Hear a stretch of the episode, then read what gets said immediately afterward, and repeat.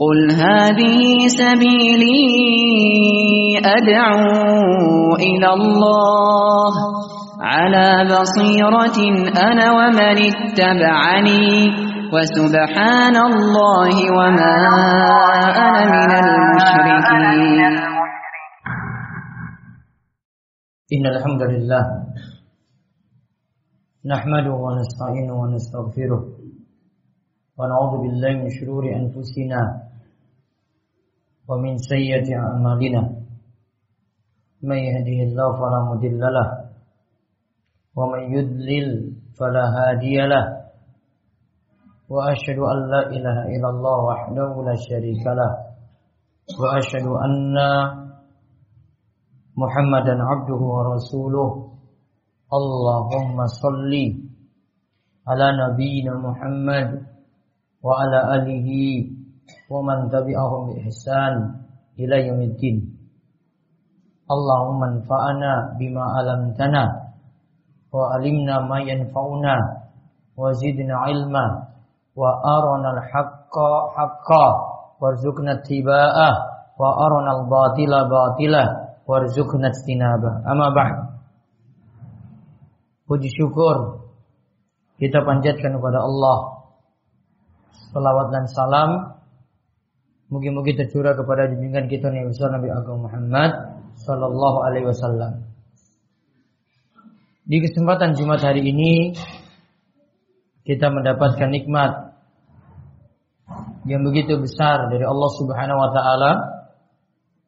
Nikmat sehat, nikmat umur panjang. Dan kali ini kita telah masuki bulan Zulqa'dah, Zulkaidah yang di mana kita sebentar lagi akan memasuki bulan besar atau bulan Zulhijjah di mana kita nantinya diperintahkan beberapa amalan di antaranya adalah kita diperintahkan untuk melakukan ibadah kurban. Tentang kisah kurban ini sebagaimana hikmah kurban yang dibahas oleh para ulama mereka nyatakan bahwasanya kisah ini berawal dari mimpi Nabi Ibrahim alaihissalam yang di mana ia diperintahkan untuk menyembelih putranya Ismail. Ini berasal saking cerita Nabi Ibrahim dalam mimpi, awalnya itu dari mimpi. Dalam mimpi tersebut diperintahkan untuk menyembelih putranya Ismail alaihissalam. Anak pertama beliau yang ketika itu Nabi Ismail itu dilahirkan atau lahir ketika Nabi Ibrahim itu berusia 86 tahun. Sedangkan saudaranya lagi Ishak dengan ibu yang berbeda ketika itu lahir dalam usia 99 tahun untuk Nabi Ibrahimnya. Maka yang lebih tua adalah Ismail, baru kemudian Ishak. Masyarakat muslimin jamaah salat Jumat yang mugi-mugi senantiasa dirahmati dan diberkahi Allah. Disebutkan dari ayat 99 sampai ayat 111. Wa qala inni zaibun ila rabbi sayahdin. Dan Ibrahim berkata, sungguhnya aku pergi menghadap Robku dan Allah akan memberi petunjuk kepadaku. Rabbi habli minas salihin. Ketika itu Nabi Ibrahim alaihissalam itu berdoa, Ya Allah, Ya Robku, anugerahkanlah kepadaku seorang anak yang termasuk orang-orang soleh. Fabasyarnahu bigulamin halim. Lantas kami beri kabar gembira kepada Nabi Ibrahim bahwasanya nanti akan diberikan seorang putra yang halim. Di antara makna halim itu adalah lemah lembut atau sabar. Ya. Jadi Nabi Ibrahim alaihissalam dikaruniakan anak yang bernama Ismail dan Ismail ini adalah anak yang halim. Apa itu arti halim? Yaitu sabar. Lalu Falamma balagha ma'u sa'ya qala ya bunayya inni ara fil manami anni asbahuka fanzur madza tara. Qala ya abatif al ma tu'mar satajiduni insyaallah minas sabirin. Disebutkan dalam ayat 102 ketika Ismail telah beranjak dewasa. Usia dewasa itu adalah usia yang di mana seorang anak itu sangat-sangat disayangi oleh orang tuanya. Anak itu sangat-sangat disayangi oleh orang tuanya ketika usia tersebut. Maka ia katakan, Ya bunayya, wahai putraku, aku melihat dalam mimpi bahwasanya aku akan menyembelihmu. Bagaimana pendapatmu? Maka putranya yang tersayang itu mengatakan, If'al ma tu'mar. Lakukan saja apa yang diperintahkan kepadamu. Satajiduni insyaallah minas sabirin. Engkau akan dapati aku insyaallah termasuk orang-orang yang sabar. Falamma aslama wa talahu lil jabin. Maka tatkala keduanya telah berserah diri, telah pasrah dengan perintah Allah Subhanahu wa taala dan Ibrahim membaringkan putranya di atas pelipisnya. Nyatalah kesabaran keduanya dan ketika itu falamma aslama wa talahu lil jabin wa nadainahu ayya Ibrahim dan kami memanggilnya yaitu memanggil Ibrahim wahai Ibrahim qad sadaqta ru'ya inna kadzalika najzil muhsinin mimpimu memang benar. Demikian kami berikan balasan kepada orang-orang yang baik. Inna hadzalahu wal bala'ul mubin. Ini adalah ujian yang nyata. Wa fadainahu bizibhin azim. Dan kami tebus Ismail tadi diganti dengan zibhin azim, yaitu kabsh domba jantan yang besar. Jadi Ismail tidak jadi disembelih, Akhirnya disembelih ketika itu adalah seekor domba.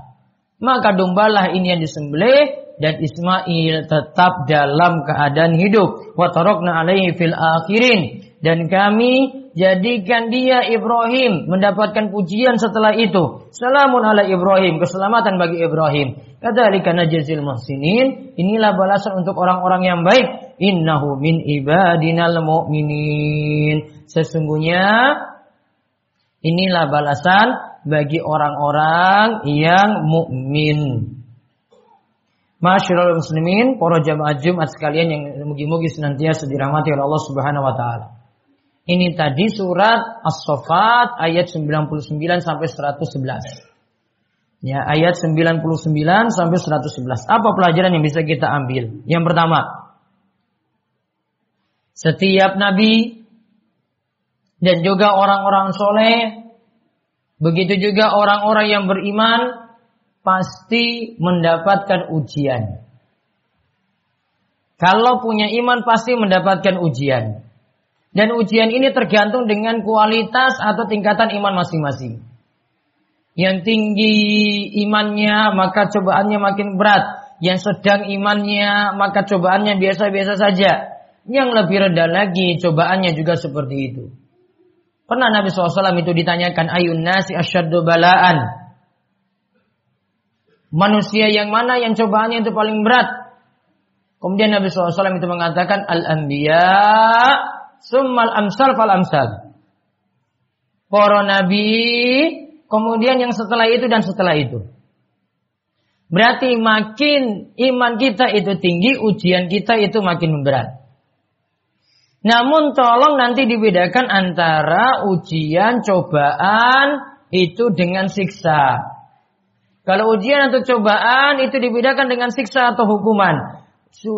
Dengan siksaan atau hukuman ini cuma diberikan kepada orang-orang yang kafir, tidak pernah mengenal Allah, tidak pernah ibadah. Maka sejatinya dia bukan diberikan ujian, namun diberikan musibah sebagai siksaan untuk dirinya. Kok orang ini nggak pernah ibadah di masjid, kok orang ini nggak pernah berangkat ke masjid, terus ujiannya itu banyak, itu bukan ujian. Itu hukuman. Itu siksaan supaya tobat. Kalau belum sadar-sadar juga, memang orang ini nggak tahu sadar. Kalau diberikan ujian, ujian, ujian, kok ini belum sadar juga. Kalau nggak tahu kalau ini adalah karena kesalahan dia, karena nggak mau ibadah, ya, memang orang ini nggak bisa sadar. Maka akan dapat ujian terus, ujian terus, yang maksudnya adalah siksaan terus, siksaan terus, siksaan terus, sampai Allah kehendaki itu kabar. Belum lagi siksaan di akhirat. Maka harus sadar diri. Ketika kita dapat ujian ataukah ketika kita itu dapat musibah yang maksudnya adalah siksaan. Kita berdoa pada Allah mungkin-mungkin itu adalah ujian yang meningkatkan derajat kita. Namun jangan sampai itu adalah siksaan karena maksiat kita terlalu banyak. Kesyirikan kita terlalu banyak. Amalan-amalan kita tidak sesuai dengan tuntunan. Belum mau sadar dengan ibadah kepada Allah Subhanahu wa taala. Dan ini perlu dipahami biar kita itu sadar kok kita ujiannya itu kok belum rampung-rampung. Mungkin karena kita itu malas ibadah. Jamaahnya malas. Sholat subuhnya ketika dipanggil hayya ala sholah hayya falah as-sholatu khairu minan juga nggak mau berangkat-berangkat. Maunya di rumah terus, maunya tinggal di rumah saja, tidak mau ingat akan ibadah. Itu bukan ujian, namun itu siksaan yang Allah Subhanahu wa taala segerakan. Maka harus sadar diri. Jangan terlalu pede dengan diri kita. Wah saya ini pasti cuma ujian saja untuk tingkatkan iman. Wong imannya nggak ada. Ibadahnya nggak ada. Ibadahnya cuma mikir mau sholat Jumat saja. Ibadah yang benar ya dijaga lima waktu dijaga, sholat Jumat dijaga, sholat berjamaahnya untuk laki-laki juga dijaga. Kemudian faedah yang lainnya lagi, selain orang beriman pasti diuji, Ayat tadi, ayat-ayat tadi menurunkan anak, menunjukkan anak itu wajib berbakti pada orang tua. Manut pada orang tuanya. Maka ketika Ismail itu dengar tadi mimpi bapaknya. Wahai Ismail, saya mimpi seperti ini. Fanzur madza Pendapatmu bagaimana? Maka anaknya cuma manut sama, sama bapaknya, sudahlah terserah. Kita serahkan saja pada Allah. Berarti Ismail manut pada perintah bapaknya, bukan anak yang durhaka. Tidak seperti anak-anak kita saat ini minta apa-apa, minta apa pun itu paksa orang tua. Jaluk motor, jaluk sepatu, jaluk apa pun itu tidak melihat keadaan orang tua. Sampai orang tua itu pusing bukan main hingga nambah utang dikarenakan nuruti anaknya terus. Namun sebagai orang tua nggak mesti nurut itu anak-anak. Didik anak itu bukan harus nurut. Didik anak itu mendidik dengan baik, bukan nurut apa pun yang ia mau. Kalau kita diajak ke neraka juga oleh anak yang nggak bisa. Didik orang, didik anak itu bawa dia pada kebaikan. Nggak semua dituruti. Walaupun dia ngancam mau gantung diri. Walaupun dia ngancam ingin ya perkara-perkara yang berat-berat yang dia itu maui. Tidak boleh dituruti apa yang diinginkan oleh anak. Orang tua harus peduli akan pendidikan anak. Iya. Namun yang dimaksud sini adalah memperhatikan dia untuk perkara-perkara yang baik. Tidak dipaksakan keinginan anak terus pada orang tua. Terus faedah yang ketiga lagi, setelah Nabi Ibrahim dan Ismail pasrah kepada Allah dengan ujian yang berat seperti itu, mereka serahkan pada Allah, Allah berikan jalan keluar. Fa inna ma'al usri yusra, inna ma'al usri yusra. Di balik kesulitan itu ada kemudahan. Di balik kesulitan itu ada kemudahan. Maka harus yakin sesusah apa pun kita, kita pasrahkan pada Allah, tawakal kepada Allah, Allah akan berikan jalan keluar dengan segera. Wa may yattaqillaha yaj'al lahu makhraja wa yarzuqhu min haitsu la yahtasib wa may yatawakkal 'ala Allah. Siapa yattaqillaha bertakwa kepada Allah maka Allah akan berikan jalan keluar. Dan Allah akan berikan rizki dari jalan yang tidak dia sangka-sangka. Wa may yatawakkal 'ala Allah fa. Siapa yang bertawakal kepada Allah, Allah beri kecukupan baginya. Berarti kuncinya tawakal dan takwa. Siapa yang tawakal Allah berikan jalan keluar. Siapa yang takwa kepada Allah, Allah akan berikan kecukupan padanya. Maka harus yakin kita punya utang yang menumpuk, usaha yang mau bangkrut, cobaan-cobaan dalam rumah tangga. Yakin kepada Allah, Allah akan berikan jalan keluar dengan segera. Kuncinya adalah perbaiki takwa, ibadahnya diperbaiki, maksiatnya dikurangi, ditinggalkan, tawakalnya pasrah penuhnya kepada Allah itu total. Semua urusan-urusannya pasrahkan kepada Allah. Allah yang berikan kepada kita kecukupan. Maka hidup kita akan susah kalau kita tidak mau bertakwa. Hidup kita tidak akan akan selamat kalau kita tidak mau tawakal kepada Allah. Jalan-jalan keluar itu datang kalau kita mau memperbaiki ketakwaan dan ketakwa dan ketawakal kita kepada Allah Subhanahu wa taala. Kemudian yang terakhir, balasan bagi orang-orang yang sabar selalu baik. Balasan bagi orang-orang yang sabar selalu baik. Cobaan apa pun dihadapi dengan sabar, itu pasti ujungnya akan selalu mendapatkan kebaikan. Namun kalau tidak sabar, hidupnya akan selalu susah, susah terus. Makanya Allah katakan pada ayat 110, "Inna kadzalika najzil muhsinin." Inilah balasan bagi orang-orang yang berbuat baik. Orang yang berbuat baik di sini apa? Orang-orang yang pasrah pada Allah dan orang-orang yang sabar. Maka kita mohon kepada Allah Subhanahu wa taala kemudahan demi kemudahan untuk kehidupan kita, untuk mengurus anak-anak kita, mengurus rumah tangga kita, kemudian juga dalam hal rizki dan Allah memberikan kelapangan demi kelapangan dari kesulitan-kesulitan kita yang ada. Aku lupa lihat. Wassalamualaikum warahmatullahi wabarakatuh. Innahu wassami'ul alim.